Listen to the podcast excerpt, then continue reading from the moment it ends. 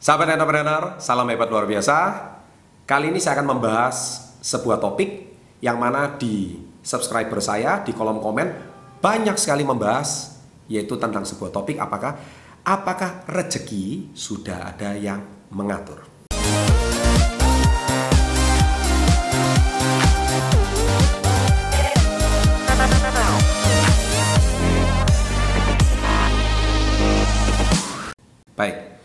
Nah, yang bertanya ini atau yang memberikan komen ini uh, mungkin bagi subscriber saya kebanyakan di Indonesia, memang kata-kata ini itu sudah sering kita dengar ya.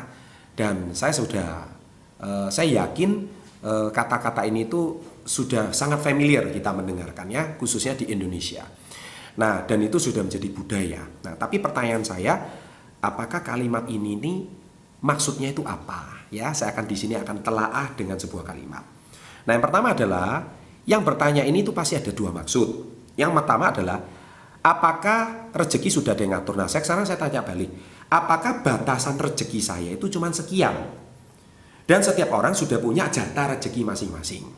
Nah, kalau Anda bertanya mempunyai maksud seperti ini, saya langsung jawab, ya, karena setiap orang rezekinya itu memang ada kapasitasnya.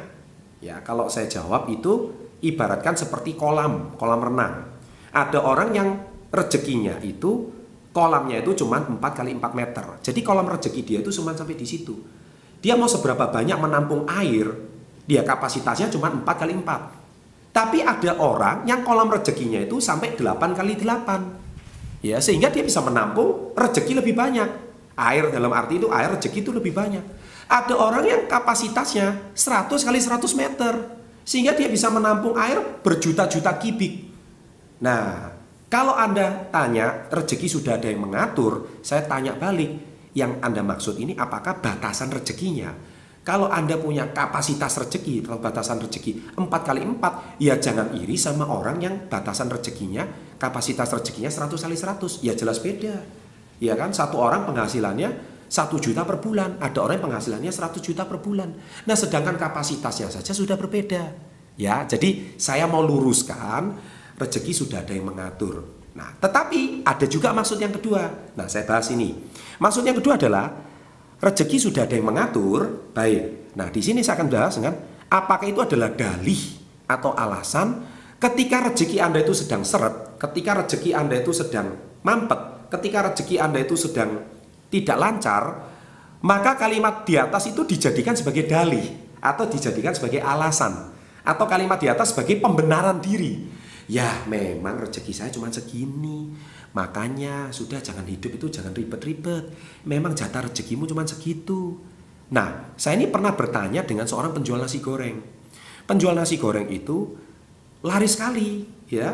Dia itu kalau berjualan dari jam 6 malam, jam 8 sampai jam 9 sudah habis. Terus saya tanya sama penjual nasi goreng tersebut, Pak, Bapak itu kan nasi gorengnya enak, laris. Pak, saya tanya, Bapak itu berjualan kan jam 9 udah habis. Bapak kan bisa, terus banyak sekali orang mau beli jam 9, setengah 10 mau beli.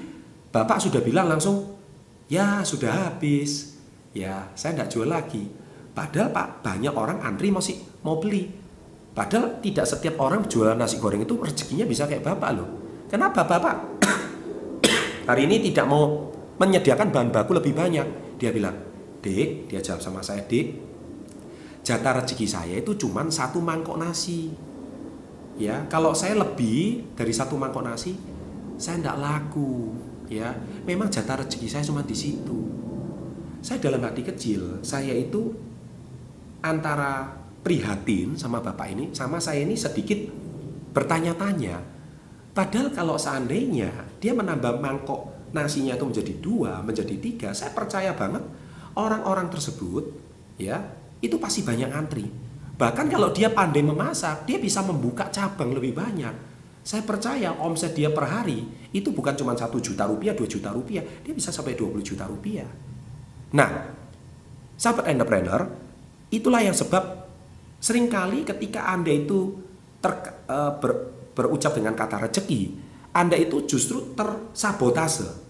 Ya, atau Anda itu sudah ada yang mensabotase diri Anda bahwa rezeki itu sudah ada yang mengatur, padahal itu cuma dalih. Bukan usaha Anda nggak laris, usaha Anda sangat laris. Tetapi karena Anda punya satu belief, Anda punya satu keyakinan bahwa itu adalah kapasitas saya di situ, maka terjadilah. Nah, di sini ada juga yang komen seperti ini. Yang penting hidup itu cukup makan, cukup tidur, sudah tidak usah mikir yang aneh-aneh. Nah, saya akan jawab, kalau Anda yang punya komen yang penting cukup makan, bro, cukup tidur, bro. Sudah tidak usah mikir yang ribet-ribet. Saya akan jawab dengan video ini. Tolong dengarkan baik-baik yang Anda komen seperti itu. Jawaban saya adalah, kalau Anda merasa hidup ini cukup saja, maka Anda tidak cocok nonton channel ini.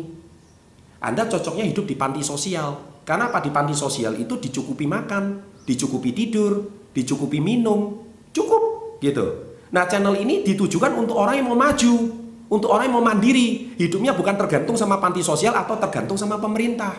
Channel ini untuk membangun orang, membangun mindset perilaku masyarakat Indonesia supaya punya semangat berwirausaha, bukan hidup dengan kata cukup. Ya, jadi bagi Anda, kalau Anda nggak cocok dengan kata-kata saya, silakan unsubscribe. Gampang kan? Tapi kalau Anda mau maju, silakan subscribe. Kalau Anda merasa ada manfaat. Ya, mohon maaf, karena saya ini ditempa sebagai atlet. Nah, kalau saya sebagai atlet, kalau atlet itu cara berpikirnya seperti apa? Ketika masuk ke dalam arena pertandingan, pikirannya cuma satu, menang, win. Nggak ada atlet masuk sudah kalah. Maka lebih baik tidak usah bertanding. Kalau Anda mau win, Anda harus latihan lebih keras, berusaha lebih baik, ya kan? Bagaimana kompetitor Anda bisa lebih cepat dari Anda, lebih hebat dari Anda, Anda akan belajar dari mereka, dan Anda akan memperbaiki diri Anda, mengevaluasi diri Anda supaya lebih baik lagi, baru Anda bisa menjadi yang lebih baik. Nah channel ini cocok untuk Anda yang mau berkompetisi. Tidak cocok untuk Anda yang hidupnya cuma pasrah. Ya kan? Kemudian Anda menyerah. Nah itu tidak cocok. Ya, jadi cara berpikir sebagai seorang atlet itu mendasari saya menjadi seorang entrepreneur.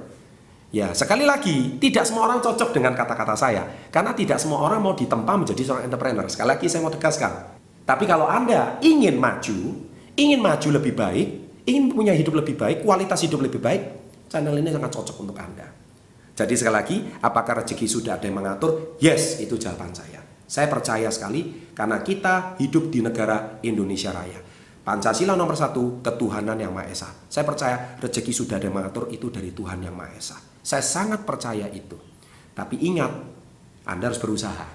Tidak cukup Anda cuma berdoa dan minta rezeki. Tapi Anda harus berusaha menjemput rezeki, berjuang bagaimana Anda bisa mendapatkan rezeki itu lebih baik dengan cara memperbaiki diri, meningkatkan kapasitas Anda. Niscaya rezeki Anda akan lebih deras, lebih lancar, dan lebih luar biasa. Sekian jawaban saya dari pertanyaan-pertanyaan di para komen, para subscriber. Semoga video ini bisa menginspirasi Anda. Sukses untuk Anda, sahabat entrepreneur. Salam hebat, luar biasa.